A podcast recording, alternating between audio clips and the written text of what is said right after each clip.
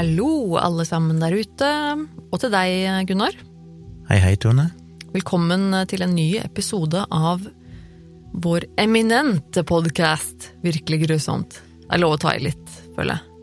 Ja, det er nok, eh, det er nok kanskje verdens beste podkast. Det er kanskje det, altså.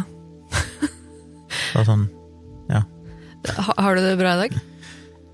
Ja, jeg brukte Vi sitter jo her på en eh, søndag, og eh, dagen har i stor grad til å sitte og lese om den saken jeg skal snakke om i dag. Det tar alltid sjokkerende lang tid å sitte og researche. Ja, det tar litt tid det der, altså.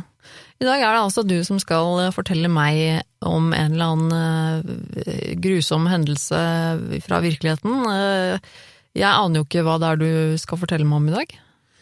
Nei, et par ting jeg vil si først. Det første var at vi fikk jo én mail, iallfall, fra noen som ville høre mer om Mark Dutroux. Ja, fikk vi ikke to henvendelser, eller noe sånt? Nei, jeg skal ikke... I hvert fall folk som sa liksom ja, hør mer, vil høre mer. ja. Som jeg sa sist, så tror jeg ikke jeg orker å dykke mer ned i alle detaljene rundt den saken. Jeg har jo fortalt kjernen i det. Okay. Så um, alt det andre blir jo litt utenfor tema i podkasten. Det blir jo bare sånn uh, konspirasjoner og politiske Det kan jo være gøy, skandaler, det. Kanskje vi må lage en bonusepisode en gang, hvor vi bare sitter og Ja. vrøvler om noe sånt nå. Får ta det i en uh, liveshow, når noen booker oss til liveshow, så får vi ta alle detaljene om Mark Dutroux. Ja. Men det jeg ville si, var egentlig bare at uh, det fins mye episoder, dokumentarer og sånn på YouTube. Jeg har sett en av de sjøl, og det er jo veldig interessant å se. Det syns jeg jo for de som hører på denne podkasten, hvis dere syns det vi snakker om er interessant, sjekk ut navnet og sånn på YouTube, eller sjekk linkene noe, for det, Mm. det gir jo en egen dimensjon når du ser ansikter og klipp og videoklipp og sånne ting. Ja, det, det har jeg også merka når jeg, sånn som i dag, når jeg sitter på lyttersiden eh, av dette, så aner jo ikke jeg eh, ofte noe om disse sakene du snakker om, så jeg vet jo heller ikke hvordan disse menneskene ser ut eller noe sånt, og jeg syns også det er ganske interessant da etterpå, Ja. eh, etter at jeg har hørt historien din, og se eh, bildene som du har funnet fram som vi bruker til promotering av episoden og sånn, så kan jeg liksom sette et ansikt på, på historien, holdt jeg på å si. Jeg syns det er litt uh, interessant. Ja, for de som ikke gjør det allerede, sjekk ut Facebook-sida vår Virkelig grusomt. Og så har jo jeg en Instagram-konto, en privat en, som heter Civix, C-I-V-I-X. Og Tone har en som heter Tone Sabro. Ja. Og der deler vi òg episodebilder, for vi har ikke noen egen Instagram-konto til podkasten. Men det er ikke sikkert alle har fått med seg det. Det er kanskje noen som bare hører på podkasten, og da får dere bare det vanlige coverbildet hver gang, men til hver ja, episode så lager vi en grafikk der vi har noen relevante bilder og tittelen på episoden og litt sånne ting som vi deler. Ja, og på Facebook så legger vi også ut eh, linkene og sånn til Ja. shownotes og litt sånn. Og det ligger jo i podkastappen deres, hvis dere finner det. Så må du kanskje bla i sida eller et eller annet på coverarten, så finner du plutselig teksten og linker og sånn. Ja. Men det jeg tenkte å si før jeg begynner i dag, er at eh, Vi har jo diskutert dette litt, meg og Tone, for det, det er klart det er mye grusomme historier vi forteller, og det er sånn Burde vi ha noen trigger warnings, alt å si, i, i noen episoder, eller må vi anta at folk vet hva de går til? Ja, jeg syns jo det er litt vanskelig å, å vite òg. Det, det er jo kanskje Vi burde Jeg vet ikke, kanskje vi burde hatt en sånn, eh, sånn inn, innledning på hver episode som sier at eh, Holdt jeg på å si viewer discretion. altså eh, lytt på eget ansvar, eller et eller annet. Jeg vet ikke, men jeg tenker jo at Jeg jo at liksom podkasten heter Virkelig grusomt, og så ser man ofte på, de, på titlene på episodene våre litt sånn hva det handler om og sånn. Ja. Eh, Så har jeg på en måte tenkt at da kan folk mm, føle på det litt sjøl, om det er noe de ikke orker å høre på, så velger de å la være. Men uh, du, hadde, du snakket om at du ville komme med en ekstra liten uh, advarsel i dag.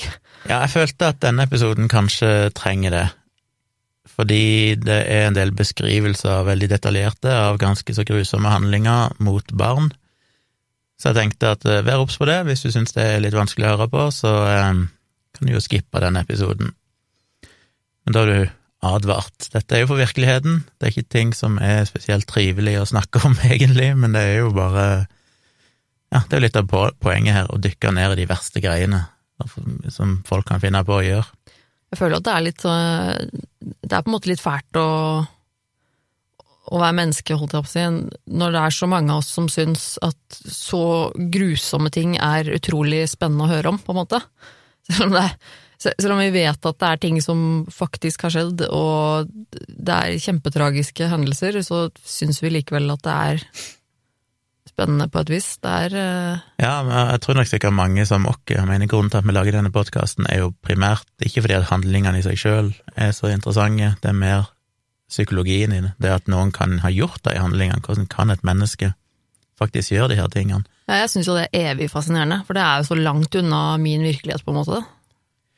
Så han vi skal høre om i dag, i dag skal vi ganske langt tilbake i tid, og jeg har normalt ikke vært noen tilhenger av sånne gamle historier, det skjedde jo forferdelig mye grusomme ting bak i historien. Jeg liker ting som er litt sånn ferskt, for da kan du eh, identifisere deg litt mer med det, du kan liksom relatere det til ei tid da du kanskje sjøl var i live og, sånne ting. Ja, Du eliminerer jo likevel en ekstremt eh, stor og ganske grusom eh, pool med. Hendelser, da. Men, men ja. Men problemet igjen da med gamle historier er at det ofte da mangler mer dokumentasjon, og det mangler mer bilder og videoer og sånne ting, så det blir ofte litt mer diffust. ja. Her eh, er jo denne historien lider av det samme, du finner jo ikke noen video her, det var jo ikke noen videofilm som ble tatt på den tida. Nei, det er jo klart det er litt eh, Ja, det er sant. Det er jo de nyere hendelsene, hvis man kan se liksom overvåkningsvideoer eller Ja. et eller annet sånt noe. Det er alltid litt eh, spennende, selvfølgelig. TV-reportasje og alt mulig rart sånn. Vi skal jo tilbake til Det starter jo Vi skal tilbake til århundreskiftet, eh, ikke det siste, for det er jo ikke så lenge siden, men eh, det forrige. Ja. Og jeg skal gi dere en kjapp oppsummering av saken i starten, og så skal vi dykke ned i detaljene etterpå. Historien handler om en fyr som heter Albert Fish. Ååå Har du hørt om han? Ja! Albert Fish. Ja, ja, ja, ja, ja. Han kjenner jeg godt. Jeg hadde ikke hørt eh, om han før, faktisk. Han er ganske kjent. Eh, Han var en, oppsummert som en seriemorder, barneovergriper og kannibal. Ja, han er en spesiell type. Han hadde mange navn. Han ble jo kalt for The Grey Man, The Werewolf of Wis Wisteria, The Brooklyn Vampire, The Moon Maniac og The Boogeyman. Ja, kjært barn har mange navn, vet du. Han eh, skrøyd av at han hadde, sitat, hatt barn i hver eneste stat, sitat slutt, og at hans ofre var over 100 i antall. Og da vet en ikke om han mente at han hadde drept 100, at han hadde forgrepet seg på minst 100, eller om han hadde spist minst 100, eller om det i det hele tatt var sant, det tallet. Ja, Det er jo også heller ikke godt å vite. Ofte med sånne folk som han også, så har man jo en tendens til å overdrive også. Så, Men han ble til slutt mistenkt for fem drap, og innrømte tre av de, som politiet òg klarte å verifisere, og han innrømte òg å ha knivstukket minst to andre. Han ble arrestert eh, 13. desember 1934, så det er såpass langt bak i tid vi skal, og sikta for kidnapping og drap på den unge jenta Grace Budd. Han ble til slutt dømt, og han ble henretta i Den elektriske stol 16. januar 1935 i en alder av 65 år. Og i 2007 så kom det en dokumentarfilm som heter The Grey Man, og den merka jeg jo at jeg fikk lyst til å se. ja, Se om vi finner den etterpå her, og Ja, kanskje det blir kveldsunderholdninger på en søndag kveld. ja, jeg tror det. Men så, hvem var da denne Albert Fish? Han ble egentlig døpt eh, Hamilton Howard Fish, født 19. mai 1870 i Washington DC i USA. Foreldrene var Randall og Ellen Fish, og eh, interessante ting her, men eh, faren var 43 år eldre enn mora. 43 år eldre? Oi, ja det er jo et ganske langt sprang. Så faren var faktisk 75 år gammel da Albert ble født. Oi. Ja. Eh, Nesten litt imponerende. Jeg syns jo sånn i utgangspunktet ikke at det er noe problem at det er aldersforskjell på i par og sånn, men eh, jeg tenker jo at når man er så mye eldre og er så gammel når man får barn, så er jo det litt kjipt for de unga, kanskje. Ja, men jeg husker at dette var jo ei tid uten prevensjon og sånn, så folk ble jo gravide når de ble gravide. Det var basically Ja. sånn var det. Ja. Du hadde Eldre, sex, og eldre mennesker må jo også få lov å ha sex, selvfølgelig. så det var sikkert ikke så uvanlig i den tida at folk kunne ha foreldre som var veldig gamle, for jeg mener hvis de hadde sex, og det hadde de jo, så kunne de jo bli gravide av det. Ja, det Og menn mer får vel redusert spermkvalitet med alderen, men det, det er ikke nødvendigvis noen hinder mot å bli Ja, ja, absolutt. far. Mm. Så Albert var yngst av fire levende søsken, og det er litt sånn rart det står levende søsken, fordi han hadde nok flere søsken, eller vi vet eh, iallfall ett et ja, ett av hans søsken Som døde. som døde, men det var jo vanlig at en del av de døde, 30-50% eller sånn, ofte døde jo i ung alder, så det Ja. Ja. Altså ikke at de ble drept, da, men, Nei, nei, men at de døde altså, av døde av sykdom og smittsomme sykdommer, meslinger, tuberkulose, alt mulig Ja. rart. Eh, så han ble jo døpt Hamilton Howard, men han ønska å bli kalt Albert, fordi, som vi skal høre, så endte han jo opp på barnehjem en del av eh, barndommen sin, og der ble han eh, Og Albert var navnet til en av hans døde søsken. Men da han var på barnehjemmet, så ble han mobba og kalt for Ham and Eggs. Oh. Ham for Hamilton. Og det syntes han var så ubehagelig, så han ville skifte navn, så han valgte da navnet til en av sine døde søsken, som var Albert. Å ja, eh, ok. Ja. Og det ble han da kalt, så derfor heter han Albert Fish, sånn offisielt sett. Ja. Familien hadde jo en lang historie med psykisk sykdom, øh, og det er jo litt sånn diffust, dette er jo lenge siden, så det, hva diagnoser de satte i den tid, var vel litt sånn hipp som happ, men det står liksom å ramse opp at onkelen var manisk, en bror han hadde, en av brødrene hans ble sperra inne på mentalsykehus, søstera ble diagnostisert med en mental affliction, en eller annen psykisk lidelse. Tre andre slektninger ble òg diagnostisert med psykisk sykdom, og mora sleit mye med hallusinasjoner, både lyd og, ly lyd og bilde, så hun var vel psykotisk eller et eller annet sånt. Faren døde jo allerede i 1875, altså da Albert var bare fem år gammel, av Ja. et hjerteinfarkt. Og da sleit jo mora, for hun var veldig psykisk syk og kunne egentlig ikke ta vare på ungene, så iallfall Albert, jeg vet ikke hva som skjedde med søsknene, men Albert ble iallfall sendt på et barnehjem, St. John's Orphanage. Og der var det jo ikke særlig trivelig å være. Det var ofte ikke Så så er, trivelig eh, på disse tidene i, på barnehjem. Nei, der var det jo utbredt mishandling av ungene. Ah, De ble fælt. piska og banka opp, og det var liksom ikke måte på. Men de var jo ikke verdt noe, de ungene der. Det var jo ofte bastarder og Ja, Altså, det, det, de hadde jo ikke noe sted her i livet. Det var jo Pluss at i den tida så var jo det, det var jo sånn du oppdrog unger, det var jo fysisk avstraffelse, det var ja, helt vanlig. det, åh. Så det var ganske ille. Men det som er litt spesielt, er jo at Albert, han er nøyd den fysiske smerten som denne mishandlinga påførte han. Så han begynte jo å glede seg til de skulle eh, bli piska og banka opp og sånn. Det er jo litt spesielt. Litt spesielt. Så han begynte tidlig å være litt sånn uh, avvikende i oppførselen. Ja. I 1880, det vil si når han var ti år gammel, så var mora blitt eh, friskere og hadde fått seg en jobb, så da tok hun Albert ut av barnehjemmet. Da han var tolv år, så innledet han et homofilt forhold med en annen gutt, og denne gutten introduserte han til urolagnia, som altså betyr å drikke urin, og koprofagia, som betyr å spise avføring.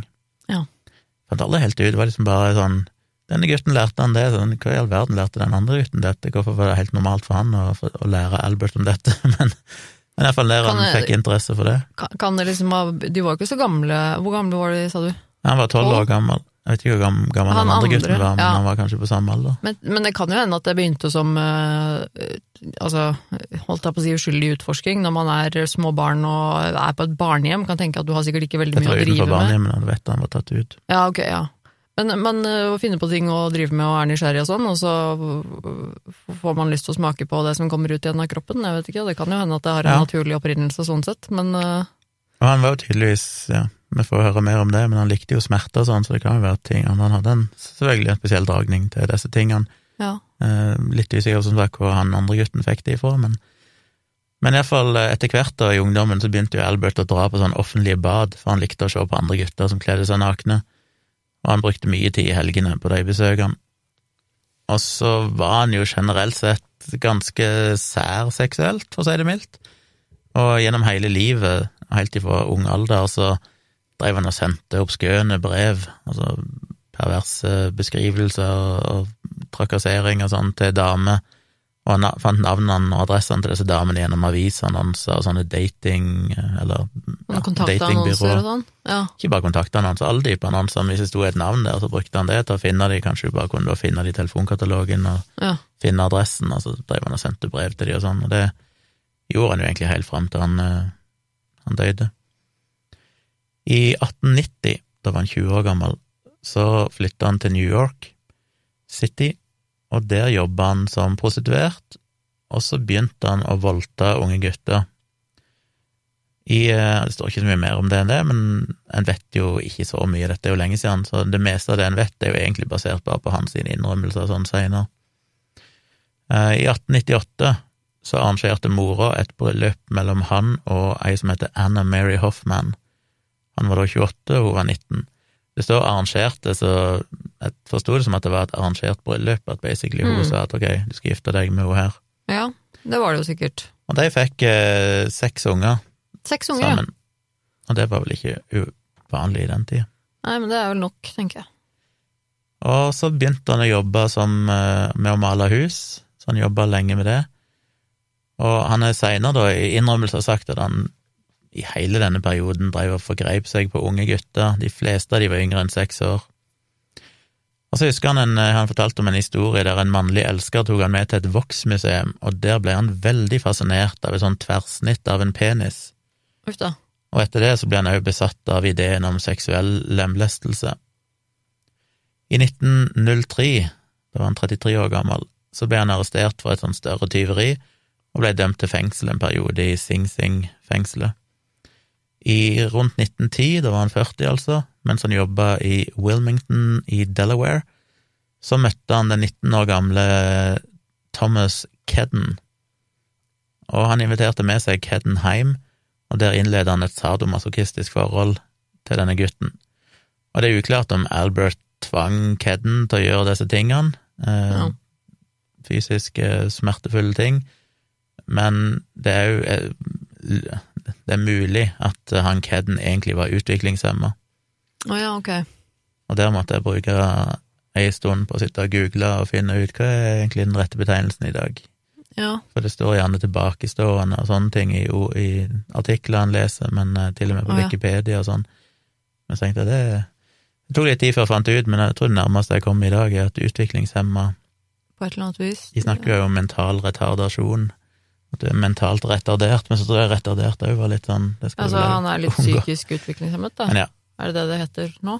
psykisk, psykisk utviklingshemma har de òg gått vekk ifra. Ok, det man er sier ikke det lenger heller. Så jeg tror det er utviklingshemmet som er det nærmeste jeg kunne finne. Ja. Så jeg håper det er riktig. Så det var mulig at han, at han var det, eller? Det er mulig at han var det, en vet ikke i ettertid. En vet Nei, egentlig ingenting om han der Thomas Kedden. Fordi etter ti dager, cirka, når de drev på med sånne her eh, sadomasochistiske legene sine, så tok Albert med seg Kedden et, eh, ut på en gammel gård, i et gammelt gårdshus, og der begynte han å torturere han i en sånn to ukers periode. Og til slutt så bandt han eh, Kedden fast, og så kutta han av halve penisen hans. Og han har sagt seinere I shall never forget his scream and the look he gave me. Så planen var å drepe Kedden, kutte han opp og ta han med seg hjem. Men så frykta han at siden det var så varmt i været og sånn, at eh, det ville føre til at det lukta og sånn, og det ville tiltrekke seg oppmerksomhet. Så derfor endte han opp med heller å tømme hydrogenperoksid over såret på penisen, der han hadde kuttet den av, pakka inn eh, penisen i et lommetørkle som var innsmurt med vaselin, så la han igjen en tidollarseddel, kyssa Kedden farvel og dro. Jaha. Og så vet vi ingenting om han Kedden, hva som skjedde med han, om Nei han ble funnet eller sånn, for det, det er så lenge siden jeg har ikke funnet artikler om det. Ja. Så han bare liksom lot han leve, og så tok han første tog hjem, og så sier han sjøl han aldri eh, seinere fant ut hva som skjedde med han, så, så det vet vi ikke. I 1917 så stakk rett og slett kona hans, og eh, ja, hun fant en annen fyr, John Straube, som jeg tror var en håndverker eller sånn som jobba hos de, eller bodde hos de. Mm. Og kona tok med seg nesten alt de eide, og Albert måtte ta vare på ungene alene, som er jo ganske spesielt. Så hun tok alle tinga, men ikke barna? Ja, Det var på den tid. For det første at hun i det hele tatt kunne skille seg, jeg visste ikke at, Ja. det var mulig i den tida at damer kunne ta initiativ til det.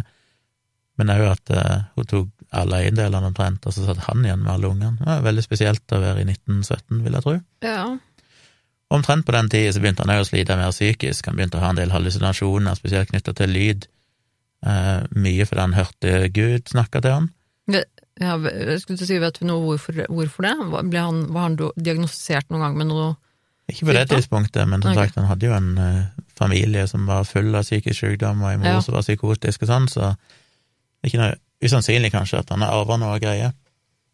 En gang så pakka han seg inn i et teppe, fordi han uh, sa han måtte følge ordene til apostelen Johannes som snakka til han og sånn, så det, det gikk mye i religion, og, og at han hørte Gud snakke til han. Ja, ok. Omtrent på den tida så begynte han òg å skade seg sjøl, og det han er berykta for, holdt jeg på å si, det var at han likte veldig godt å dytte nåler inn mellom pungen og anus. Mm. Stikker de inn der, eller stikker de inn i magen? Stemmer det. Det er en ting, en ting jeg husker med, med saken. Det er veldig spesielt. Og der finnes det jo faktisk et røntgenbilde på Wikipedia som viser det, for at Ja. etter han da til slutt ble arrestert, så tok de røntgen av han, og der fant de jo minst 29 nåler som fortsatt satt i, fast i bekkenområdet, som han hadde stukket inn sjøl. Det var ekstremt bisart, altså. Så drev han òg og piska seg sjøl mye, og så lagde han sånne paddles, altså en sånn brødfjøl, alt på å som han spigra spiker gjennom, og drev og slo seg sjøl med sånn spiker eh, ja, paddle. Ja. Og kanskje gøyest av alt, så tok han bomullsdotter og dynka de i lightervæske, altså dytta han de inn i anus og satte fyr på det. Det trivdes han godt med. ja. Så ja, litt spesielle seksuelle fetisjer. Å, herregud. Han er heller aldri noensinne mistenkt for å ha misbrukt eller vært voldelig eller noe sånt mot sine egne unger, men han oppfordrer gjerne, både ungene sine og vennene deres, til å drive og spanke han med den der spikerpaddelen. At de skulle gjøre det på han, ja. Ja. Ja, ok. Så begynte han etter hvert å bli mer og mer besatt på denne ideen om kannibalisme, så han begynte å tilberede middager bestående av rått kjøtt, og de spiste han sjøl og ga til ungene sine. Mhm. Og i rundt eh, 1919 så stakk han ned en utviklingshemma gutt i Georgetown i Washington DC. Eh, han er sannsynligvis stukket ned mange, han har jo skrudd på seg dette. Men grunnen til at det blir nevnt, er jo bare for å få fram det at han som regel gikk etter utviklingshemma barn, eller afroamerikanske barn. Igjen måtte jeg google og finne ut, jeg er alltid like usikker på dette begrepet afroamerikansk. Det, Ja. men så vidt jeg kunne skjønne, så er det innafor. Ja, sånn, ja. ja. Eh, fordi han antok at de ikke ville bli savna, og det var for så vidt rett, for at myndighetene brydde seg ikke så veldig med Nei, på den tiden så var vel nok ikke det så høyt prioritert. Nei, om et Nei. eh, mørkhudet barn forsvant i, i statene, så var vel ikke det så veldig noe folk brød seg om, kanskje. Så det var sikkert taktisk smart, men er Ja. ganske trist Men å tenke på. Men han stakk ned altså dette barnet altså på gaten, altså offentlig, eller? Nei, jeg vet ikke, det er ikke nevnt noe mer om det, det er ikke noe viktig ting, egentlig, holdt jeg på å si, tragisk nok i konteksten av alt. Nei. Men eh, det var vel bare et eksempel på at han gjerne gikk etter utviklingshemma unger som han fant. Sikkert og- eh, veldig lett uh, offer. Ja, det er jo lett offer. Mm.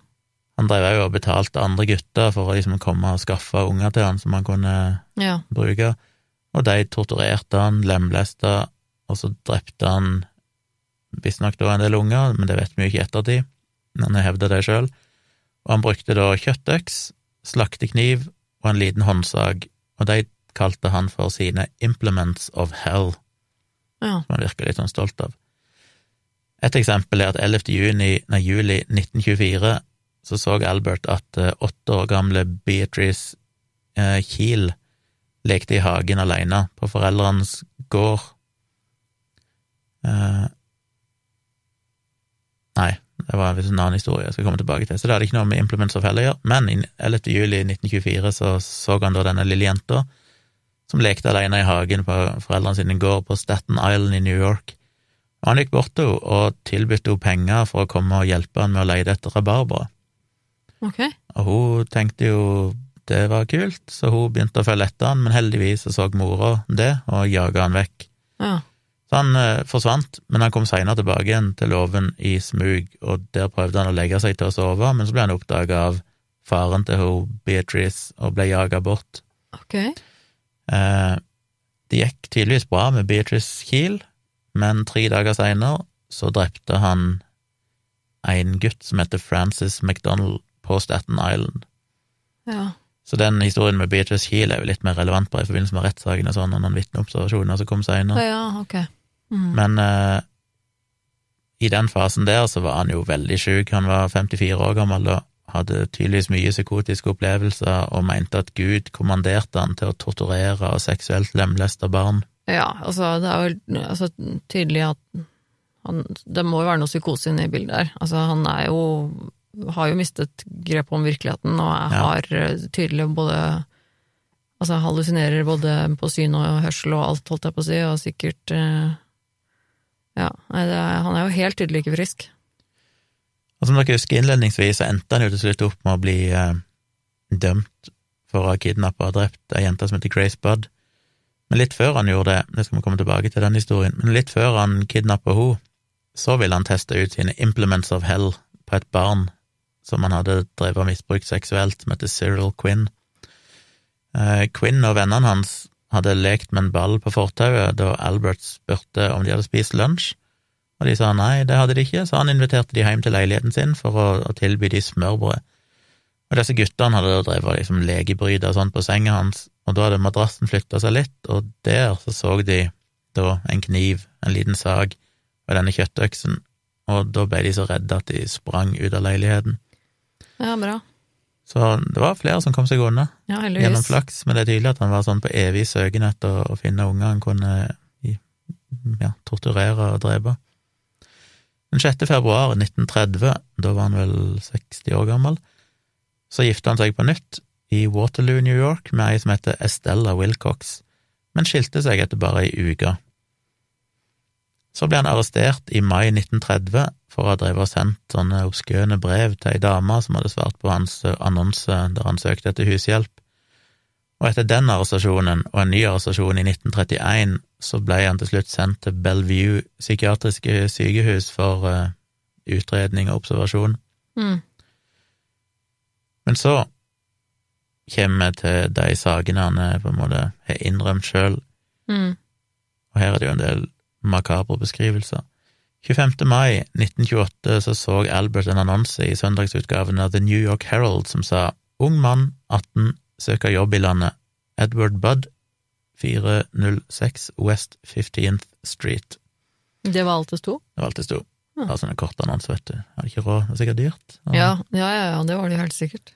Så tre dager seinere så besøkte Albert denne Budd-familien som bodde på Manhattan, under dekke av å være interessert i å, i å ansette Edward. Mm. Seinere har han innrømmet at hans egentlige plan var jo da å ta med seg Edward, binde han fast, lemleste han og bare forlate han for å blø i hjel. Men da han kom til denne familien, så introduserte han seg som Frank Howard, en bonde fra Farmingdale i New York, og han sa han var veldig interessert i å ansette Edward Budd og hans venn Willy, og at han ville komme tilbake noen dager seinere for å, hente dem, ta dem med seg til gården sin. Det gjorde han aldri, han møtte aldri opp, men han Aha. sendte et telegram til familien der han unnskyldte seg og avtalte en ny dato. Okay. Så til slutt så kom han faktisk tilbake igjen, men da møtte han den yngre søstera til Edward Budd, som da altså var Grace Budd. Oh, nei. Og nei, ikke notert meg alderen, men jeg tror hun var ti år gammel. Ja. Og når han så henne, og òg hadde sett at Edward Budd var ganske så stor av vekst, så fant han ut at han heller ville ta Grace. ja. Så han dikta opp en historie om at han skulle i bursdagsfesten til sin eh, søsters datter, altså sin niese, og sa liksom kan ikke Grace være med? Det blir trivelig, dra i en liten bursdagsselskap. Og mora var vel skeptisk, men faren sa at eh, jo, jo, Grace får jo aldri oppleve noe gøy, så la henne få lov til det. Så Albert fikk lov å ta henne med seg, og det var jo det siste de så til henne. Mm. Aldri sett henne igjen. Så hun ble jo etter hvert meldt savna og sånn, og det er ikke helt skjønner jeg hvorfor politiet ikke gikk etter han. Det virker jo naturlig at når han stikker av gårde med henne og forsvinner, så ville han være mistenkt, men av en eller annen grunn så endte politiet opp med å arrestere en mann som heter Charles Edward Pope den 5. Men de september. Men de visste jo ikke hva han het, da. Han hadde jo sagt feil, fa falsk navn. Ja, det er sant. Så Ja. det gikk jo kanskje etter noen beskrivelser som ikke stemte i det hele tatt. Da. Så er det kanskje ikke så De hadde vel ikke så mye ressurser å gå etter på den tiden der av etterforskning og sånne ting, så Nei, det er sant. Så de endte iallfall opp med å arrestere en annen fyr for det som da ekskona hadde sagt at eh, ja, det var han som gjorde det. ja, ok. Og han satt i fengsel i 108 dager, men så ble han frikjent i en rettssak 22. desember 1930. Mm. Så da visste de ikke hvem egentlig som tok Grace Budd, hun var bare vekke, og oh. visste ingenting. Men så, av en eller annen merkelig grunn, i november 1934, og det er jo da seks år etterpå, Ja. cirka, så kom det et brev til mora av Grace, et anonymt brev. Å nei. Og hun kunne ikke lese, så sønnen leste det opp for henne. Og det brevet skal jeg lese opp. Det er gjengitt i sin helhet, med delvis usammenhengende og sånn, men dere får prøve å henge med. Jeg skal lese det på engelsk, for jeg ikke Ja. oversatt det. Men der står det My dear Mrs. Budd. In 1894, a friend of mine shipped as a deckhand on the steamer Tacoma, Captain John Davis. They sailed from San Francisco to Hong Kong, China. On arriving there, he and two others went ashore and got drunk. When they returned, the boat was gone. At that time, there was a famine in China. Meat of any kind was from $1 to $3 a pound. So great was the suffering among the very poor that all children under twelve were sold to the butchers to be cut up and sold for food in order to keep others from starving. A boy or girl under fourteen was not safe in the street. You could go in any shop and ask for steak, chops, or stew meat. Part of the naked body of a boy or girl would be brought out and just what you wanted cut from it. A boy or girl's behind which is the sweetest part of the body and sold as veal cutlet, brought the highest price. John stayed there so long he acquired a taste for human flesh.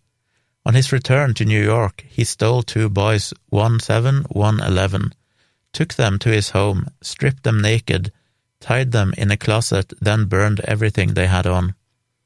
Several times every day and night he spanked them, tortured them, to make their meat good and tender.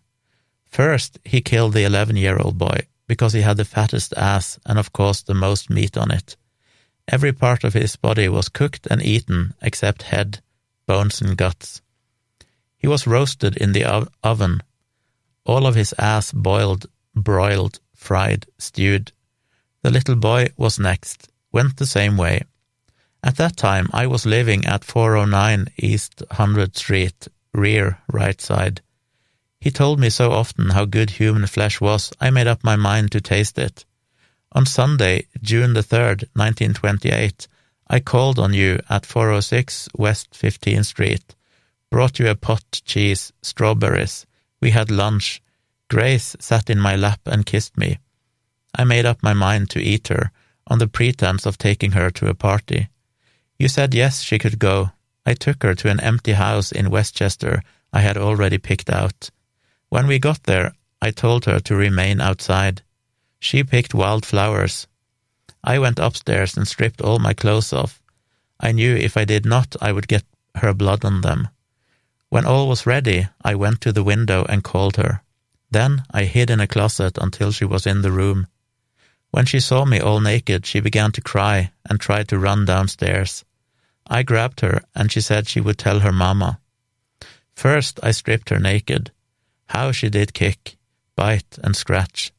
I choked her to death and then cut her in small pieces so I could take my meat to my rooms, cook and eat it. How sweet and tender her little ass was roasted in the oven. It took me nine days to eat her entire body. I did not fuck her, though. I could if I had wished. She died a virgin. Så det var brevet. Ja, det er ganske Åh. Så det Jeg blir litt sånn svimmel og kvalm av å høre på det. ass. Når jeg, ser, jeg får litt sånn eh, litt, litt for leve, levende bilder i hodet mitt.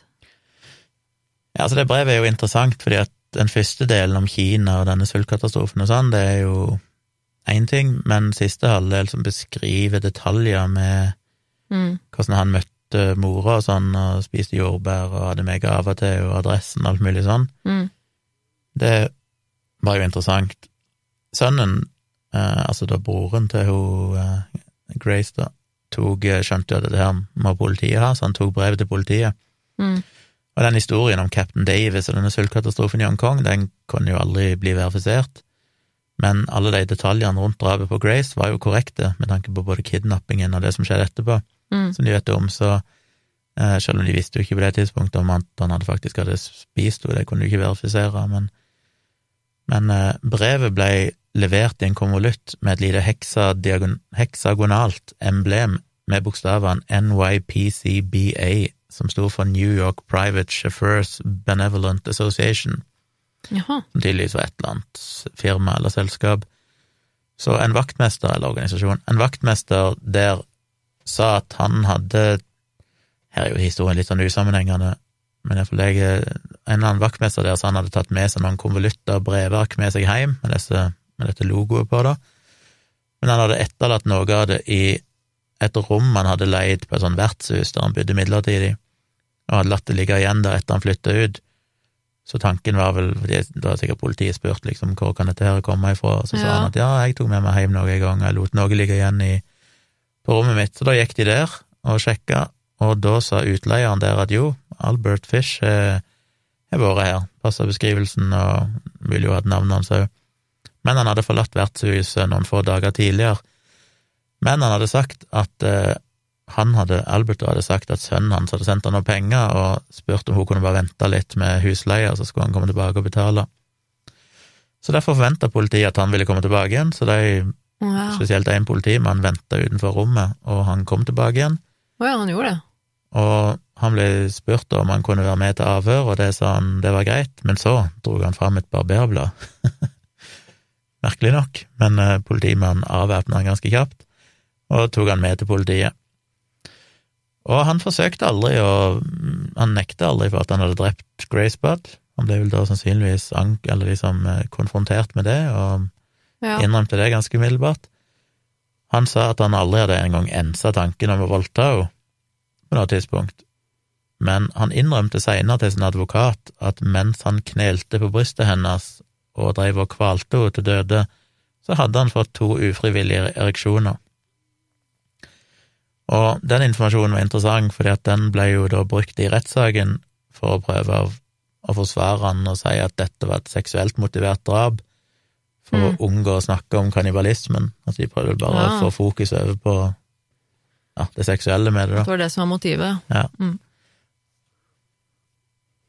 Så ja, det var på en måte litt av igjen forhistorie, så må vi gå litt mer inn i de andre drapene. Vi hørte om Grace Budd. Han ble jo som sagt dømt for to andre, eller ikke dømt, men han innrømte to andre drap. Ble han ikke dømt for Nei, han ble vel bare dømt for drapet på Grace Budd, Ja, okay. så vidt jeg vet. Men etter han ble arrestert, da, så begynte han jo å innrømme andre drap.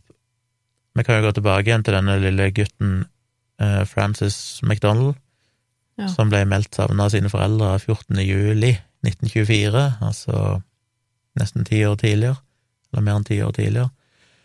Han kom jo aldri hjem etter å ha vært ute og lekt med sine venner i Port Richmond-nabolaget på Staten Island. Eh, ja, hvis dere husker tilbake igjen, så var det jo da jenta på den gården som hadde prøvd å lokke med seg Ja. om han skulle finne rabarbra, som da han ikke lykkes med, og så tre dager senere ble Francis McDonald funnet drept. Så nå får vi litt av den historien. Han hadde vært ute og lekt med vennene sine, og ja, og kom aldri hjem igjen. Og så ble det jo da utført et søk for å prøve å finne denne gutten, og de fant han relativt fort hengende i et tre i et skogsområde veldig nærme der han bodde. De fant han han hadde blitt seksuelt misbrukt, og så hadde han blitt kvalt av bukseselene sine.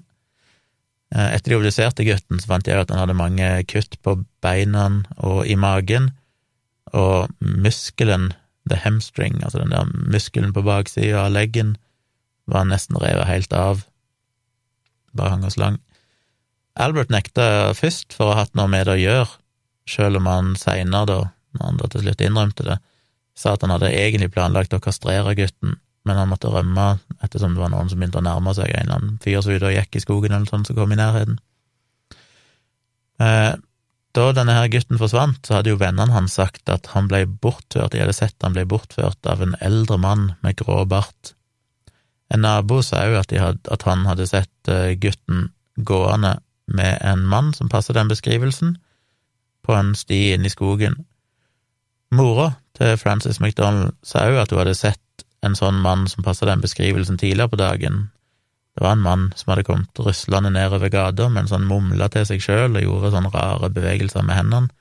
Mm. Hun hadde lagt merke til at han hadde veldig tjukt og grått hår og en veldig stor, grå bart, og hun beskrev han som generelt sett bare sånn veldig grå og blek og trist. Ja. Og det var grunnen til at han fikk navnet The Grey Man. ja. Så Francis McDonald ble jo da bortført og funnet drept i 1924, men det drapet ble jo aldri oppklart før da etter Grace Budd ble drept. Og, og han eh, etter hvert ble mistenkt. Og da, når det kom bilder av han, og beskrivelser av han begynte å komme i media, så var det flere øyenvitner som sa at de hadde sett denne grå mannen i området samme dag som han Francis McDonald forsvant, og flere identifiserte dette da som Albert Fish. Mm. Og statsadvokaten eh, hadde sagt allerede da at han ville sikte Fish for drapet på McDonald, men Fish nekta for at han hadde noe med det å gjøre. Skjønner ikke helt kronologien i dette her nå, men eh, Nei, det er kanskje ikke så godt å si. Det var liksom litt sånn fram og tilbake i det jeg har lest. Ja. Som dette etter at han først blir arrestert, at han vil bli sikta for drap på McDonald, eller om det er på et tidligere tidspunkt. Det, litt, det må kanskje være etter at han blir arrestert for Grace Budd, for ellers hadde han, han ikke nekta for det først, liksom? Ja. Men uh, etter rettssaken så hadde han visstnok allikevel innrømt å ha drept Francis McDonald, og òg en som heter Bill Gaffney, som han innrømte å ha voldtatt og drept. Så han seksuelt misbrukte guttene, da. Ja. Det er vel det som går igjen litt her, eh, virker det som. Han var jo gift to ganger med to damer, men han hadde jo homofile relasjoner med gutter helt til han var liten, så det er jo litt tvil om mm. at han vel egentlig var homofil. Kan jo virke sånn. Men det kan du ikke akkurat snakke om i den tida, så han uh, gifta seg jo og fikk unger og sånn, men Men så, denne Billy Gaffney, da. 11. februar 1927 så lekte tre år gamle Billy, Billy Beaton og hans tolv år gamle bror og en fire år gammel gutt som heter Billy Gaffney, i gangen i en leilighetsblokk i Brooklyn. Etter hvert så gikk den tolv år gamle gutten inn i leiligheten, og etter det så forsvant de to småguttene. Eh, de begynte å lete etter dem, og de fant Billy Beaton, han tre år gamle gutten, på taket til den blokka der de bodde. Mm. Vet ikke egentlig Fant ikke noen forklaring på hvorfor han satt der, om han hadde stukket av og gjemt seg, eller hva det var, men sannsynligvis ble han redd, fordi da de spurte han liksom hva hadde skjedd med, med Billy Gaffney, hvor har han blitt av, så sa denne lille gutten at The Boogeyman took him. Oi. Og liket til Billy Gaffney ble jo aldri funnet. Nei. Først så ble det en seriemorder som heter Peter Kudzinowski mistenkt for drapet på gutten, men så hadde en, en fyr som jobba på en sånn uh, lekter eller en båt, som heter Joseph Meehan, han hadde sett et bilde av Albert Fish i avisen, og da gikk han til politiet og sa at han hadde sett uh, denne her Albert Fish sammen med en liten gutt på den båten han jobba. Mm. Han hadde lagt merke til at det satt en eldre mann der med en liten gutt og prøvde å trøste denne gutten. Gutten hadde ikke på seg noe jakke, og han drev og grein og ropte etter mor si, og han hadde jo merka at eh, mannen på en måte hadde slept eller dratt gutten både på båten og av båten etterpå, og beskrivelsen av gutten stemte overens med denne her eh, Billy Gaffney. Og da begynte politiet å sjekke, og fant ut at Fish eh, hadde jobba som maler for et firma i Brooklyn i februar 1927, da denne gutten forsvant, mm -hmm. og at han hadde vært ute på et oppdrag noen få kilometer ifra der gutten forsvant den dagen kidnappinga skjedde. Og eh, igjen antar jeg at dette må være etter at han ble arrestert for drapet på hun Grace Budd, men da hadde han iallfall skrevet et brev til sin advokat og der kommer det jo ganske makabre beskrivelser. Jeg leser på nytt, engelsk eh, brev. Mm. I brought him to the Riker Avenue dumps. There is a house that stands alone, not far from where I took him. I took the G-boy there, stripped him naked, and tied his hands and feet and gagged him with a piece of dirty rag I picked out of the dump. Then I burned his clothes, threw his shoes in the dump, then I walked back and took a trolley to 59th Street at 2 a.m. and walked home from there. Next day, about 2 p.m., I took tools, a good heavy cat of nine tails, homemade, short handle, cut one of my belts in half, slit these half in six strips about eight inches long. I whipped his bare behind till the blood ran from his legs. I cut off his ears, nose, slit his mouth from ear to ear, gouged out his eyes. He was dead then. I stuck the knife in his belly and held my mouth to his body and drank his blood. I picked up four old potato sacks and gathered a pile of stones. Then I cut him up. I had a grip with me. I put his nose, ears, and a few slices of his belly in the grip. Then I cut him through the middle of his body, just below his belly button, then through his legs about two inches below his behind. I put this in my grip with a lot of paper. I cut off the head, feet, arms, hand, and legs below the knee. This I put in sacks weighed with stones, tied the ends, and threw them into pools of slimy water you will see all along the road going from North Beach. Water is three to four inches, nine feet deep. They sank at once. I came, ho- came home with my meat. I had the front of his body I liked best. His monkey and Pee-wee was a nice little fat behind to roast, I and a nice little fat behind to roast in the oven and eat. I made a stew out of his ears, nose, pieces of his face, and belly. I put onions, carrots, turnips, celery, salt and pepper. It was good. Then I split the cheeks of his behind open, cut off his monkey and peewee, and washed them first. I put strips of bacon on each cheek of his behind and put it in the oven. Then I picked four onions, and when meat had roasted about a quarter of an hour, I poured about a pint of water over it for gravy and put in the onions. At frequent intervals, I basted his behind with a wooden spoon, so the meat would be nice and juicy. In about two hours, it was nice and brown, cooked through. I never ate any roast turkey that tasted half as good as its sweet, fat little behind did. I ate every bit of the meat in about four days. His little monkey was as sweet as a nut, but his peewees I could not chew, threw them in the toilet. Det er som å lese, lese en god kokeoppskrift, dette her. Ja, var tydelig han eh, Fy fader, altså. Han la sin sjel i det, for å si det sånn. Det interessante var jo at mora til denne lille gutten, Elisabeth, hun ville seinere besøke Fish i Sing Sing-fengselet, da etter vel han ble Ja, fengsla for drapet på Grace Bud. Så hun reiste der sammen med en politimann og et par andre, men hun ville spørre han om sønnens død, men Fish nekta å snakke med henne, og han begynte å grine altså han bare ville være aleine. Men de fortsatte, og prøvde å spørre han, eh, brukte et par timer på å stille spørsmål via advokaten hans, men til slutt så ga hun opp, og hun ble aldri overbevist om at Fish faktisk drepte Billy Gaffney. nei, ok. Så eh, når jeg leser de her tingene, så begynner jeg å tenke sånn ettertid, sånn hvor mye av dette Sannsynligvis var det vel han som gjorde det, de har jo en del vitneobservasjoner som stemmer, men en begynner jo av og til å lure på om han òg drev og skrøt på seg ting han kanskje ikke hadde gjort nødvendigvis. Jo, men det er jo også selvfølgelig vanskelig å finne kroppen, da, hvis han faktisk har spist han.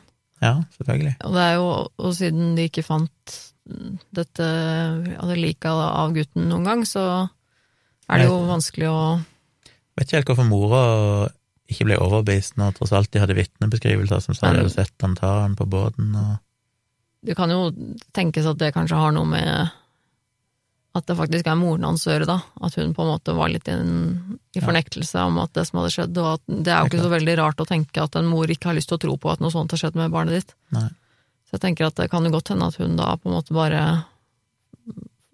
At det passet fint inn i en virkelighet for henne, hvor hun tenkte at nei, men siden han ikke sier det, så har han ikke gjort det, og da, mm. har, han ikke, da har det ikke skjedd med sønnen min. Det er jo på en måte forståelig sånn sett. Så det var de tre drapene han ble eh, Han innrømte, da.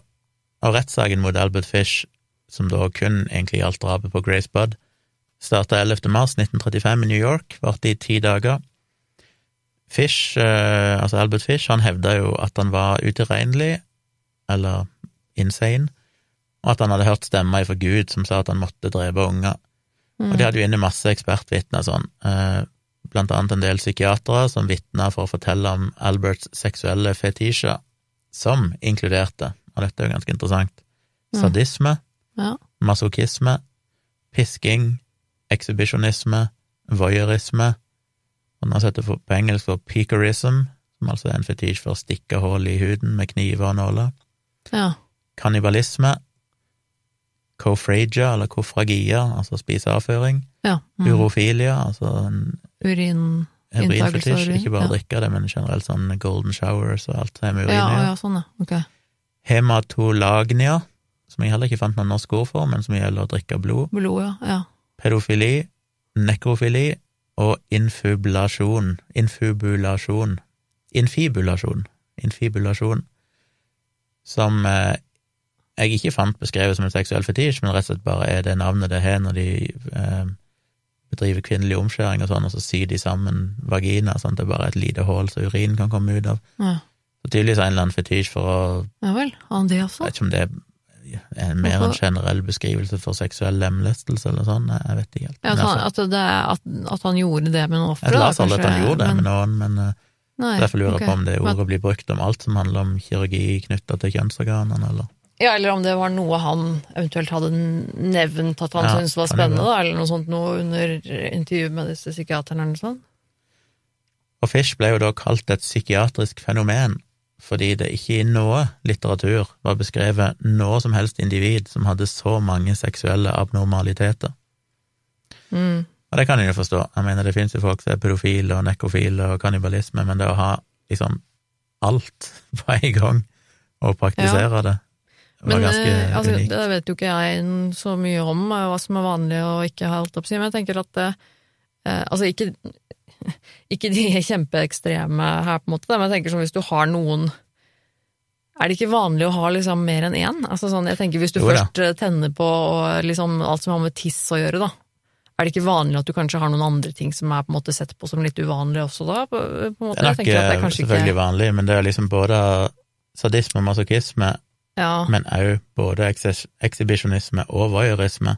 ja, som bare så altså, da- både like tiss og bæsj, og så både være pedofil og nekrofil, Ja, og så like eh, seksuell lemlestelse, eh, ja, veldig, men i tillegg drikke blod. ja, det er veldig mye Det er liksom sånn Normalt så kan du kanskje gruppere to-tre sammen, vil jeg jo anta, uten at jeg er Ja, ekspert på det. men- noen, ja. Men, det er men det er liksom veldig mye. Ja, veldig mye og veldig ekstreme ting, da. Mm.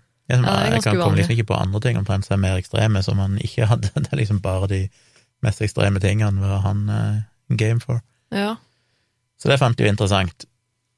Og de hadde jo, nå skipper jeg navnene, det er masse navn her under rettssaken, jeg bare sier litt om hvem de er, det er ikke så nøye med hva de heter. Det er som regel bare forvirrende, men et av forsvaret, Forsvarets ekspertvitner var en psykiater som spesialiserte seg blant annet på utvikling hos barn. Mm. Og han prøvde jo, han beskrev jo Fish hadde en besettelse med religion, og spesielt den bibelske historien om Abraham og Isak fra Mosebøkene. Mm. Så han sa at han trodde nok at Fish hadde en slags idé om at ved å ofre en gutt, så ville det gi tilgivelse for syndene sine, ja. og at selv om handlingen i seg selv var feil, så ville Guds engler stoppe det hvis Gud ikke likte det. Mm, det jeg leste andre plasser, er at han hadde jo en tro på at det måtte jo være rett han gjorde, for hvis ikke så ville jo Gud ha sendt engler som stoppa han ifra å gjøre det. ja. Det det er jo aldri helt skjedde, så- eh, Så måtte det jo være Guds behag at han gjorde dette. Han har jo helt mistet grep om virkeligheten. Han hadde visstnok eh, på et eller annet tidspunkt, uten at du vet hvem det var, så han forsøkte å ofre en gutt på den måten, men da hadde han visst blitt eh, liksom på samme måten som i Gamle testamentet. Men da hadde han visst blitt avbrutt av en bil som kjørte forbi. Ja, ok. Og det neste offeret etter det var jo da han Edward Budd, altså broren til Grace Budd. Så han var litt sånn at uh, hvis han hadde sett seg for seg en gutt han skulle kidnappe, så uh, Hvis det da tilfeldigvis kjørte en bil forbi eller et eller annet, så så han det da sikkert som et tegn fra Gud, ikke sant, om at oi, ja, ok, men da var det ikke meningen at det var denne gutten jeg skulle ta. Ja, jeg tenkte ikke på det sånn, jeg tenkte kanskje bare at han var redd for å bli avslørt. Ja, men, ja men, eh, kanskje det òg, ja. Men, men det virker jo på en måte ikke helt Altså, han var jo delusional, holdt jeg på å si, desillusjonert. Altså, han, tro, han trodde jo på Hadde jo tydeligvis helt eh, altså vrangforestillinger. Jeg tenker at det Det var jo egentlig viktig for han at det var en gutt som ble ofra, det var derfor han pekte seg ut da som neste offer, Edward Budd, mm. for de skulle liksom stemme overens med, med Abraham og Isak. Og, Men likevel så drepte han jo flere jenter, da. ja, eh, det vet vi jo selvfølgelig ikke, Eller i hvert fall én, da. det, men han endte jo opp med å drepe Grace Budd, Ja. og de sa jo det, han psykiateren sa at selv om Grace var jente, og egentlig da ikke passa inn i planen hans, ja. så mente han at Fish egentlig så på henne som en gutt, at han bare egentlig oh. så på henne som en gutt, uten at jeg vet noe mer om det. Og han ja. var å si, i overført betydning betrakta henne som en gutt, at det var godt nok for å oppfylle Guds ønske, eller om han virkelig var så desillusjonert at han liksom ikke klarte å se at det ikke var en gutt, for han var så besatt av ja. gudene vet. Eller kanskje at da, på en måte for han så var ikke dette er eh, mennesker, på en måte. At det, var- Ja. De har liksom ikke menneskelige egenskaper, de hadde ikke noen betydning for han, han så på dem som gjenstander, eller at et barn var et barn, da. At, at Ja. a boy is a boy, uansett om det er en gutt eller jente, at det betyr barn, kanskje, liksom, i hans virkelighet, eller på et eller annet vis sånn, da. Det er bare selvfølgelig en teori, spekulasjon fra min side, men kunne jo hende. Han psykiateren han beskrev jo denne kannibalismen og tolka det som et slags nattverdsrituale. Ja. Og det siste spørsmålet forsvareren hadde til denne psykiateren og dette ekspertvitnet, besto av 15 000 ord, så det var en ganske lang, Oi. en ganske lang spørsmål, Ja. og basically var en oppsummering av liksom Albert sin livshistorie, og alt hvordan ting hadde skjedd, og det som skjedde på slutten og sånn, og, og slutta da med å spørre psykiateren hvordan vurderer du Alberts mentale tilstand, basert på den livshistorien du nå har hørt, Ja.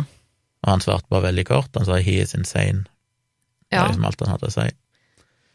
Og de henta jo inn et par andre psykiatere som bygde opp under det, da, som bekrefta For, for det var det løpet de kjørte, de ville jo ha han til å være gal for å få han til å slippe unna med plead insanity. Men eh, det er altså Det å være eh, gal eller utilregnelig i lovens forstand er jo ikke nødvendigvis det samme som å ha en psykisk lidelse. Det er jo på en måte noe med at du skal vite hva du, hva du gjør er rett og galt, og så videre. Så det er jo Så rett i Selv om- 1935, så Ja, og, og, men det er jo litt sånne hendelser som eh, man kan se i moderne rettssaker òg. At du kan tenke at eh, her, hvorfor i all verden ble han eller hun dømt som tilregnelig når det er liksom påvist at eh, han eller hun har en psykisk lidelse av et eller annet slag, ikke sant. Men, men det er jo ikke nødvendigvis at bare fordi du har en psykisk lidelse, så er du ikke, til, så er du ikke tilregnelig, ikke sant. Så det det må er, jo selvfølgelig være at du ikke er i stand til å vite hva du faktisk gjør. ja. På den andre sida, da, de som eh, Men ble han eh, ble, Hva sa du at han ble beregnet eh, Altså tiltalt som beregnelig? Nei, det kom jeg til. Ja, okay, For på den andre sida så, så kom jo Hva heter det? De som eh, prosecution, prosecutors, Aktor? aktor, men du har liksom forsvarer Er det ikke et bedre navn enn bare aktor? Det er så teknisk. Holdt på å si angriper. Eh, anklager, kanskje. Ja, det kommer litt an på Ja.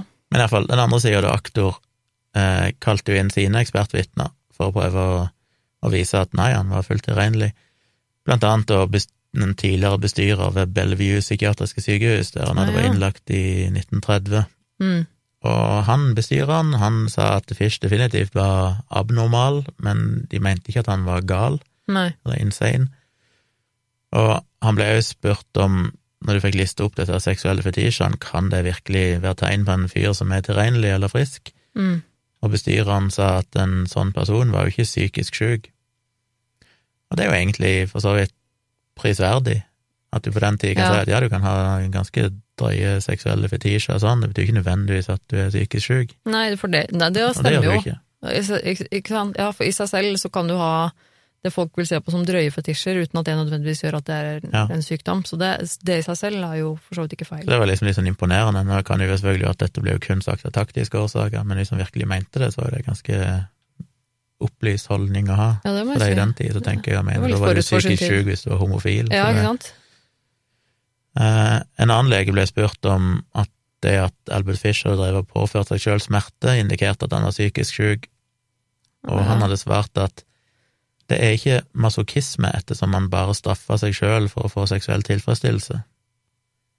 Jeg synes det var litt rart svar, for ikke det er litt av eh, definisjonen av sånn seksuell masochisme, at du skal få seksuell tilfredsstillelse, men Men jeg tenker jo det samme igjen, da. Du trenger ikke nødvendigvis være psykisk syk for å føle Nei, det at det er- godt å stikke deg selv i armen med en, Nei, det med nål eller et eller annet, liksom. Og, Men han sa at det er ikke masochisme, men da mener han kanskje masochisme som en psykisk sykdom? eller ja, mener han det? Ja, det kan hende det. Jeg vil jo definitivt si at det er masochisme hvis han Ja, straffer det- seg selv for å få seksuell tilfredsstillelse. Ja, det vil jeg påstå. Nå ville de Nei. tolke sånn at han mente at det ikke er masochisme som en psykisk diagnose, eller sånn. Ja, kanskje det var betegnelse Kanskje de brukte det som betegnelse på noen Ja. psykisk sykdom. Det kan hende. Et annet, et annet vitne sa det at å spise avføring var jo en relativt vanlig praksis. Jaha. Som jeg òg stussa litt med, men så tenker jeg meg om, og så er jo sånn, ja, det er jo selvfølgelig mange mennesker i denne verden som tenner på sånn skattsex og sånn. Så det er jo vanlig i gåsehud i den forstand at det er jo ikke Ja, men tenkte han da på en, en seksuell eh, altså fetisjsetting, Vil jo eller? så det. Å ja, for jeg tenkte kanskje omvendt, jeg. Holdt jeg på å si at jeg, tenkte at han snakka om det som vanlig på grunn av ekstrem fattigdom og Ja, det er vel ingen som spiser ting, så- bare fordi de er fattige, men Nei, jeg vet ikke at det var. Nei, ok, ja ja. De brukte ordet praksis, liksom, så jeg tenkte sånn at det er jo, det er jo noe som, er, som flere gjør. Altså, uten at du må være psykisk syk. For poenget her er jo selvfølgelig at det erklærer han som mentalt frisk. Ja, Så da var forsvaret at det å spise avføring i seg sjøl er liksom ikke så uvanlig, og at religiøs kannibalisme kanskje var psykopatisk, men det var jo en smakssak, og ikke bevis for psykose. ja ok. Og det er jo litt sånn, ok, religiøs kannibalisme er en smakssak, men Um, virker som de gikk ganske langt da i å prøve å bortforklare de her tingene, og si Ja. at nei, men dette er helt normalt, og det er mange som driver med sånt. ja, det, det høres jo Ja, det hadde jo en eh, andre ekspertvitner som på en måte sa det samme. Et annet vitne var jo Mary Nicholas, som var hans 17 år gamle stedatter, som da sikkert er stedatter i forbindelse med det siste bryllupet han hadde, som Altså Albert Fischs stedatter. Ja. Ja. Han var jo gift med ei, ei uke før han søkte skilsmisse, så om det er hun, er jeg ikke helt sikker på. Men det er iallfall ei som var stedattera hans. Mhm. Og hun hadde jo beskrevet hvordan Fish hadde lært hun og brødrene hennes mange leker som involverte både masochisme og på en måte seksuelle overgrep mot barn, da. Som skulle vise at eh, Ja, de prøvde vel å Åssen da, at han var- liksom? Altså at hun At han hadde lært dem leker? Ja, at han hadde liksom lært de forskjellige leker de kunne gjøre og sånn, som da tydeligvis var ganske sånn Som var litt drøye, da? Ja, ok. Så når alt kom til alt, så var det jo ingen i juryen som tvilte på at Albert Fish faktisk var gal, eller psykisk syk Mm, og utilregnelig, mm, men de mente at han likevel burde henrettes, så de endte opp med å erklære han for å ikke være gal og skyldig, og han endte opp med å få en dødsdom, da. mm. Så han ble satt i fengsel eh, i mars 1935. Jeg bare tenker på det at den rettssaken varte i ti dager. Det er vel Oi. ikke det veldig kort etter dagens standard? Jo, det hørtes du- eh, kort ut. Men var det, han ble dømt for Det var jo Han bare én person, da. Sånn, ble bare døpt for ett ja. et drap? Ja. Det er mulig at det ikke er Ti dager er kanskje ikke så rart da, hvis det er bare én ett drap det er snakk om, så kan det vel gå på ti dager, ja. Eh, Desto mer merkelig kanskje var det at han ble fengsla i mars 1935 og ble henrettet allerede 16. januar 1936. Oi. Og Det er vel ikke vanlig nå til dags. Da sitter du gjerne inne i årevis før du eventuelt blir henrettet til slutt, men der skjedde det jo på under et år. Ja. Så han ble henrettet i Den elektriske stol i Sing Sing, og hans siste ord er- var visstnok I don't even know why I'm here. Ja. Så hva det betyr, vet vi ikke.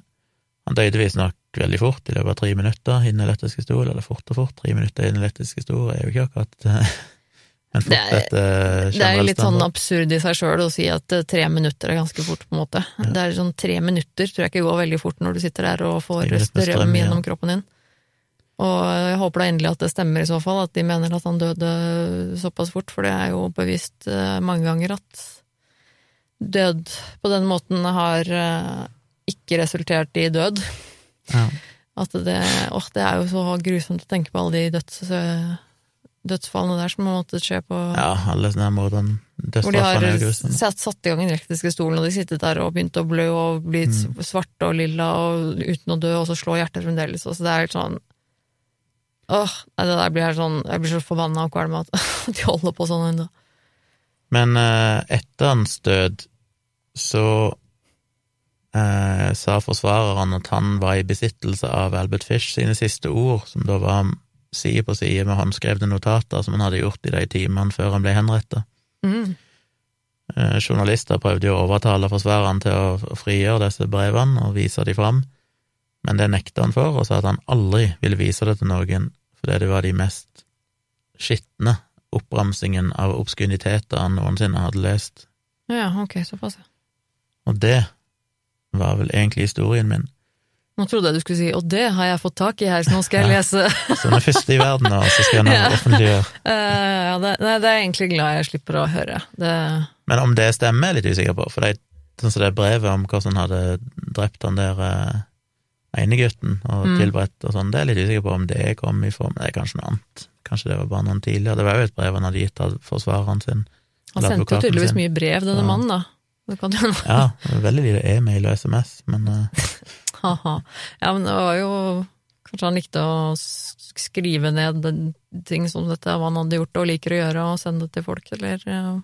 Men det er jo sånn litt interessant ut det lille vi vet, og bare med når han på slutten sier sånn 'jeg vet ikke engang hvorfor jeg er her', Mm. og de siste timene så sitter han bare og skriver ned masse liksom perverse beskrivelser av alt mulig. Det, det tyder jo veldig på at dette var jo en mann som var veldig, veldig sjuk.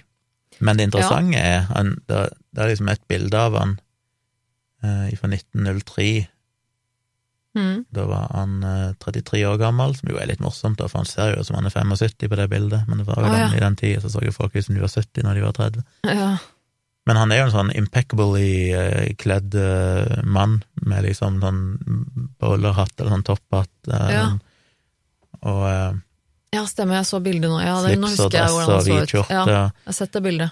Og han var jo en veldig sånn mild og rolig fyr, Mm. og alle sa jo det at det var ingen som ville nølt et øyeblikk med å la han passe ungene deres. Nei. Han var veldig rolig og sindig og veldig liksom trivelig, Mm. Eh, men veldig sånn kjedelig og grå, denne barten og grå håret. Han virker jo litt sånn Ja, for det er liksom, når du ser på et, et bilde av han, så er det på en måte ikke sånn du kanskje ville sett for deg en eh, holdt jeg på å si, klin gæren type, da. Ja, sånn Med liksom men, en, pen, eh, veldig pen tøye og liksom Ja. skjorte og slips og, og dressjakke og hatt, og, og en veldig velholdt stor bart, på en måte. Altså er jo som prototypen på en mann fra 1900-tallet, da. Ja, men det, det er jo litt eh, fascinerende. Men Så det er jo litt interessant. Han var jo ikke en sånn crazy, shabby fyr som drev og misbrukte unger. Han var liksom en veldig sånn ja, han så, stilig fyr, så ikke akkurat gal ut. Nei. Men uh, det er jo litt fascinerende det der med tilregnelighet òg, syns jeg. Jeg har alltid jeg har liksom fortsatt på en måte Jeg syns det er litt sånn vanskelig å forstå seg på iblant, for det er litt sånn uh, Altså, hm, det, det er ikke noen tvil om at Albert Fish var syk. Altså, han hadde jo helt tydelig psykoselidelse av et eller annet slag, ikke sant. Han hadde jo, var jo ikke frisk i det hele tatt. Eh, Men, men likevel så kan man jo på en måte ikke være sikker på at han ikke visste hva han gjorde. Altså, det kan godt hende at For det er jo hele spørsmålet om han vet om det han gjør er riktig eller galt, og om han på en Ja. måte skjønner eh, konsekvensene og, det, og på en måte vet, vet hva han gjør. mm. Og det er jeg jammen ikke sikker på. Det er litt sånn, Jeg er litt usikker med han, altså, fordi at uh, han Ja, fordi at han Men det er jo ting som tyder sjuk, på at så han åpenbart At det var nok sant at han hørte stemma fra Gud, at han følte nok at det var riktig, og sånn så Ja, kan man si at du er jo det. insane i den at han virkelig trodde at det var det riktige å gjøre. Altså Han gjorde det jo fordi han trodde han behaga Gud, og at Gud ville stoppe han hvis ikke det var riktig og sånn. Ja. Og basert på at han tidligere da hadde rulla seg inn i et teppe etter kommando fra døperen Johannes og sånn, eller apostelen Johannes, eh, som helt ikke relatert til mordene i seg sjøl, tyder jo på at han Men det er jo likevel liksom noe med at du, du, kan jo, du kan jo ha eh, psykoselidelser eller hallusinasjoner og sånne ting. eh, Høre, høre ubehagelige stemmer eller sånne ting som Men likevel ikke gå og drepe noen, ikke sant? Ja, ja. Eh, Så jeg tenker at et eller annet i han må jo også da ha overbevist han om at det ikke var noe galt det han gjorde, kanskje. Eller at altså, på en måte at han ikke Det er vanskelig å si, for det er klart at enhver person som noensinne har blitt uh, kjent, uh, dømt for å være utilregnelig, vil jo alltid kunne si at uansett hvor sjuk du er, så er det andre som har samme diagnose, som ikke dreper, ergo så kan alle egentlig stoppe det. Og dermed så er jo ingen egentlig Det blir litt sånn her òg, at Ja, uansett ja. om en kan si at du må selvfølgelig ikke drepe noen selv om du er psykotisk og hører stemmer, så gjorde jo han det. Mm. Og da er spørsmålet om summen av alle ting tyder på at han faktisk var så long gone i hodet sitt, holdt jeg på å si, at han eh, ikke hadde noen som helst mulighet til å kjempe imot de tankene sine. Mm. Jeg lurer på åssen det hadde utspilt seg i dag, da. Hvis det hadde skjedd nå i dag, hvis det hadde vært en, Ja. en aktuell rettssak, om han hadde blitt eh, dømt eh, tilregnelig eller utilregnelig. Jeg lurer på For det er litt sånne si, ting jeg kan tenke meg liksom Men jeg vil vel tro, uten at jeg vet noen ting om det, men sånn som at de juryen på en måte mer eller mindre var åpne om at de så på han som utilregnelig, men at de ville han skulle henrettes, så derfor så sa de i dommen at han var tilregnelig. mm, Går det an i dag? I dag føler jeg vel det hadde vært mer fair. Altså, sånn som med Anders Behring Breivik òg, ikke sant. Jeg tror den juryen ville hvis det var en jury, eh, eller hvis jeg skulle avgjøre det, så ville det uansett hvor mye alle mente at han måtte brenne og dø, holdt jeg på å si, Ja. så tror jeg ikke de kunne ha gjort noe annet enn å være ærlige om det. Og sagt at nei, men han er nok utilregnelig, og derfor så bør han dømmes til Men eh, altså, han gikk jo gjennom Altså, Anders B. Breivik, da, eh, gikk jo gjennom flere runder med Ja, ja, vet du hva, først altså. psykiatriske Han ble vel dømt utilregnelig først. Ja, først så Altså, sa de jo at han var utilregnelig, og så ble det gjennomgått på nytt, og så sa de at han var tilregnelig. Og da også er jo det på en måte et sånt eksempel på at fordi at de, de trodde jo heller ikke at han var holdt jeg på å si, også en frisk. De tenkte jo også at han hadde noen diagnoser underliggende, at han var jo øh, ikke helt Altså han muligens hadde altså, hvert fall- noe ekstrem narsissisme og muligens noe eh, antisosial personlighetsforstyrrelse, kanskje, eller eh, noe sånt noe. Eh, så man kan jo på en måte argumentere med at han heller ikke var helt helt eh, på plass, holdt jeg på å si, i, Ja. i psyken sin, men, men likevel så ble han jo tilregnelig fordi at man tenker at men han visste, han visste hva han gjorde. Han skjønte, han skjønte at det han gjorde var galt, og han visste at det han gjorde var eh, var, holdt jeg på å si, on- ondt gjort. Det- Det var å gå imot det som er greit i samfunnet. Han visste at, at det å drepe noen ikke er, ikke er greit, liksom. Han gjorde det likevel. Uh, Så han, det er jo, men jeg syns jo det er på en måte er fascinerende. Jeg lurer jo på en måte da liksom hvor, hvor langt må man gå, eller hvor syk må man være for å på en måte bli dømt utilregnelig? Ja. For jeg føler at det er ikke så ofte jeg hører om de sakene i, i rettssystemet og at det er noen som blir dømt utilregnelig i en sånn alvorlig eh, kriminalsak, da. Eh, Drap eller lignende Jeg synes jeg kom på, det Knutby-drapene, da hun eh, dama, hun barnepiken, holdt på å si, hun eh, Ble hun dømt utilregnelig? Ja, hun er iallfall dømt til psykiatrisk behandling, hun var vel aldri i fengsel. Ja, ja det stemmer. Hun, for hun Hennes argument eh, var vel at eh, Eller ja, at, at hun gjorde det fordi hun fikk beskjed om å gjøre det. mm. Et eller annet sånt nå, var det ikke det? Ja, hun fikk jo en psykiatrisk diagnose og sånn, og de mente at hun var At hun var lett påvirkelig. og- Hun var manipulert, ja, hun ikke egentlig visste hvor, eller hadde mulighet til å stå imot det sjøl, for hun var ikke frisk nok til å Ja, for det var noe med at hun trodde at hun gjorde jo ikke noe galt i den forstand fordi at den personen hun drepte, kom til Gud, og at det var en god ting, på en måte. Ja, men er det bare det som er avgjørende hva hun tror? Det kan godt være hun trodde det var galt og visste hva hun gjorde, men at hun var såpass sjuk at hun at hvis hun ble manipulert til det, så var ikke hun en person som kunne sagt nei. Mm. Så det ua- uavhengig av hva hun visste at hun gjorde galt eller ikke, så kan hun fortsatt Ja, men at hun følte at hun ikke hadde noe valg, da, muligens. Men for eksempel, da, Anders Behn Breivik vet jo at han hadde et valg. Dette var jo et veldig bevisst valg han gjorde. Ja. Ikke sant? Så det er kanskje noe det ligger der òg. Det er sikkert en helhetsvurdering, men jeg syns det alltid er litt sånn interessant, da, fordi det er liksom ikke Fordi det er så komplekst, da. Det er jo ikke sånn at du på en måte enten så er du psykisk syk, så er du utilregnelig. Hvis du er psykisk frisk, eh, liksom, så er du utilregnelig. Det er jo ikke så enkelt. Jeg syns alltid det er litt sånn eh, fascinerende denne hvordan man på en måte Hvordan vurderer man eh, hva, hva folk eh, Jeg tenker jo er alltid at skjønne, si. uansett hva folk gjør av drap, så tenker jeg at det er jo ingen som er friske som kan gjøre dette. Så Ergo må alle per definisjon være utilregnelige og slite med et eller annet. Jeg, jeg klarer ikke til å innøve meg at det fins mennesker onde nok til å gjøre noen ting som helst sånne ting. Men da for meg blir det en sånn, eh, sånn definisjonsspørsmål om hva er frisk. Ja. For da kan man jo også på en måte begynne å snakke om psykopati, da, for eksempel. At eh, er man, er man psykisk syk hvis man er født uten evne til empati? Eller er det bare sånn man er? Er det en sykdom, eller er det en del av personligheten din? Altså det er sånn, hva er frisk, hva er syk? Det blir jo et veldig komplisert uh... ja verre blir det i framtida, tror jeg. Ja. når vi begynner å snakke om virkelig ting over ja, Jeg skal ikke begynne med noen frivillig debatt her, men eh, når vi begynner å se hva hjernen egentlig gjør Ah, jeg syns det er kjempespennende og interessant, altså. Men vi holdt på i en time og et kvarter snart, vi må Ja. begynne å runde av. Det var iallfall saken om Albert Fish. Jeg skal legge ved et par lenker. Det Ja, grusomhetsskalaen må vi ta. Må ikke glemme den. Den er uhyre viktig. Det er din jobb i dag å komme med en grusomhetsskala. Ja, Albert Fish. Eh, det, var, det var fint å få en eh, liten oppfrisking om Albert Fish, for det er en eh, sak jeg ikke har hørt noe om eller tenkt på på lenge. Um, så det, det var litt interessant. Jeg husket på en måte ikke hvor grusomt det egentlig var.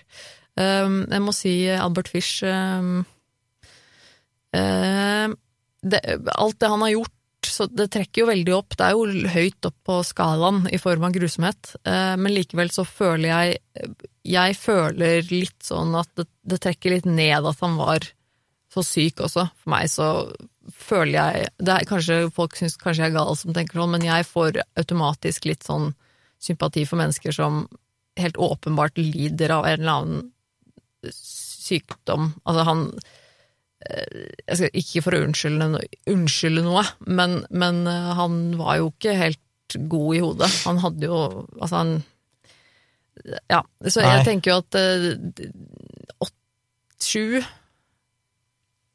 det var mange som slapp unna òg. altså, nei, det er, uff, det er stygt å si. Altså, Altså, men så jo- vet vi jo ikke hvor mange han faktisk drepte. Nei, jeg tror det er Um, vanskelig å tenke seg at ikke han drepte ganske så mange, og sannsynligvis Ja. misbrukte enda flere. Også fordi at det er vanskelig, som du sa også, at det er, vi, det er vanskelig å finne ut av faktisk hvor mange han drepte eller Ja. misbrukte og sånn, fordi at vi har på en måte ikke noe bevis på, på det. Men jeg tenker jo at vi, for meg så er jo oppe sju-åtte rundt Ja, der, jeg tenker kanskje. jo summen av de tingene han gjorde, for meg nærmer seg en tier. For det er sånn, når du tar en liten gutt, Ja. og mens han lever, så skjærer du av ørene, nesa, ja, der og så skjærer ja. du munnen ifra øre til øre, og så stikker du ut øynene til han dør. Ja, Og på en annen fyr, ung mann, så skjærer han av penisen på han, og Ja, han ja, ok da. torturerte jo og drepte og voldtok og seg, altså, han drev og spanka små unger med spigerpisker til de blødde. Ja. Det er liksom sånn, okay, kan det bli så mye verre? og det er ikke bare snakk om én person, det er kanskje snakk om mange titalls som vi aldri får vite, og det var utviklingshemma som bare forsvant, og ingen visste hvor de ble av. Jeg syns det er noe av det drøyere jeg har hørt. Ja, men det, det er jo det, Det er liksom vanskelig å finne Jeg har jo fortalt historier tidligere der voksne mennesker ble kutta opp og voldtatt foran ungene sine og sånne ting, men det var et mindre antall, og det var voksne mennesker, og det er liksom et Ja, det er noe, noe eget når det er barn, selvfølgelig. Her var det jo basically bare unger, det eldste var kanskje 18-19 år, men Ja, det er jo selvfølgelig de noe aller eget. fleste var under seks år gamle, og det var liksom ikke bare at han seksuelt misbrukte de, men at han òg faktisk torturerte de over lengre tid, på de mest Ja. spesialske måtene til de Det vet vi ikke sikkert, da, men ifølge det som blir sagt, og han sjøl har sagt, Ja. så var det jo snakk om eh, Ja, men jeg, jeg, havner, ok, jeg havner på en ni, eh, men det er litt også fordi at det er litt eh, lack of evidence. Ja. Eh, at vi ikke vet så mye av dette så veldig sikkert, og det kan hende at det også er ganske overdrevet. Det Sånn er vanskelig gutten å som han vite. skar ørene og nesa av og spiste sånn tilberedte middag på, det er jo klart, den, han fant de aldri igjen. Nei, så så det det er jo umulig å vite, ja, ikke sant. Så, men, men ja, selvfølgelig er det helt forferdelige hendelser, dette her. Um, nei, jeg tror jeg havner på en ni, jeg. Og så sier jeg takk for, eh, takk for i dag. Men uh, hvis dere har noen tips der ute, folkens, så send det til oss. da. Vi har en uh, e-mail uh, som lyder virkeliggrusomt at gmail.com. Der tar vi imot tilbakemeldinger, ris og ros og, og tips om saker og sånn. Det er veldig kult å, å høre fra dere, altså. Det er veldig artig. Jeg kunne jo gjerne tenkt meg å høre ifra dere om dere vil at vi skal snakke om ting som ikke alltid bare er grusomt, men jeg har en del historier som jeg vet om, som jeg har lyst til å snakke om, men de havner mer i sånn mystiske, ikke at det er noe overnaturlig eller sånn, men bare sånn folk som er forsvunnet. Ja, Men det er jo kjempegøy. Ja, Vi har jo hatt noen forsvinningssaker her også. Men, det, men de har fall vært noen grusomme elementer med, føler jeg, at det er sånn spooky ja. Ikke men alle jeg- som endelig er det, men jeg syns fortsatt de er dødsfascinerende, bare fordi vi vet aldri hva som egentlig skjedde, sånn, selv om det kanskje ikke skjedde noe direkte grusomt. Så. Ja, ja, jeg, jeg tenker jo at jeg er for det. Jeg syns absolutt Ja. det er en plass eh, til det i denne podkasten. Jeg har allerede iallfall én historie der som jeg alt, lenge tenkte jeg har lyst til å snakke om, for jeg syns den er så Oi. fascinerende. Men uh, det, Ja, jeg har liksom ikke funnet noe egentlig sånn direkte grusomt med den, så derfor har jeg skippa den. Ja, men da er, tenker jeg at du i hvert fall kan eh, Du kan jo ta den eh, Ja, neste gang, for eksempel. Og så kan man jo heller si fra hvis man syns det var helt elendig. Anyway, takk for at dere hørte på, hvis dere har overlevd fram til nå. Jeg setter veldig pris på å få tilbakemeldinger, som sagt. Hvis dere liker så grusomme historier og sånn, så er det greit å få en bekreftelse på det. Hvis dere syns dette er for grusomt, så hører vi gjerne om det òg. Greit å vite hva dere tenker. Men eh, vi er iallfall tilbake igjen om ei ukes tid. Og da er det Tone som skal fortelle en historie.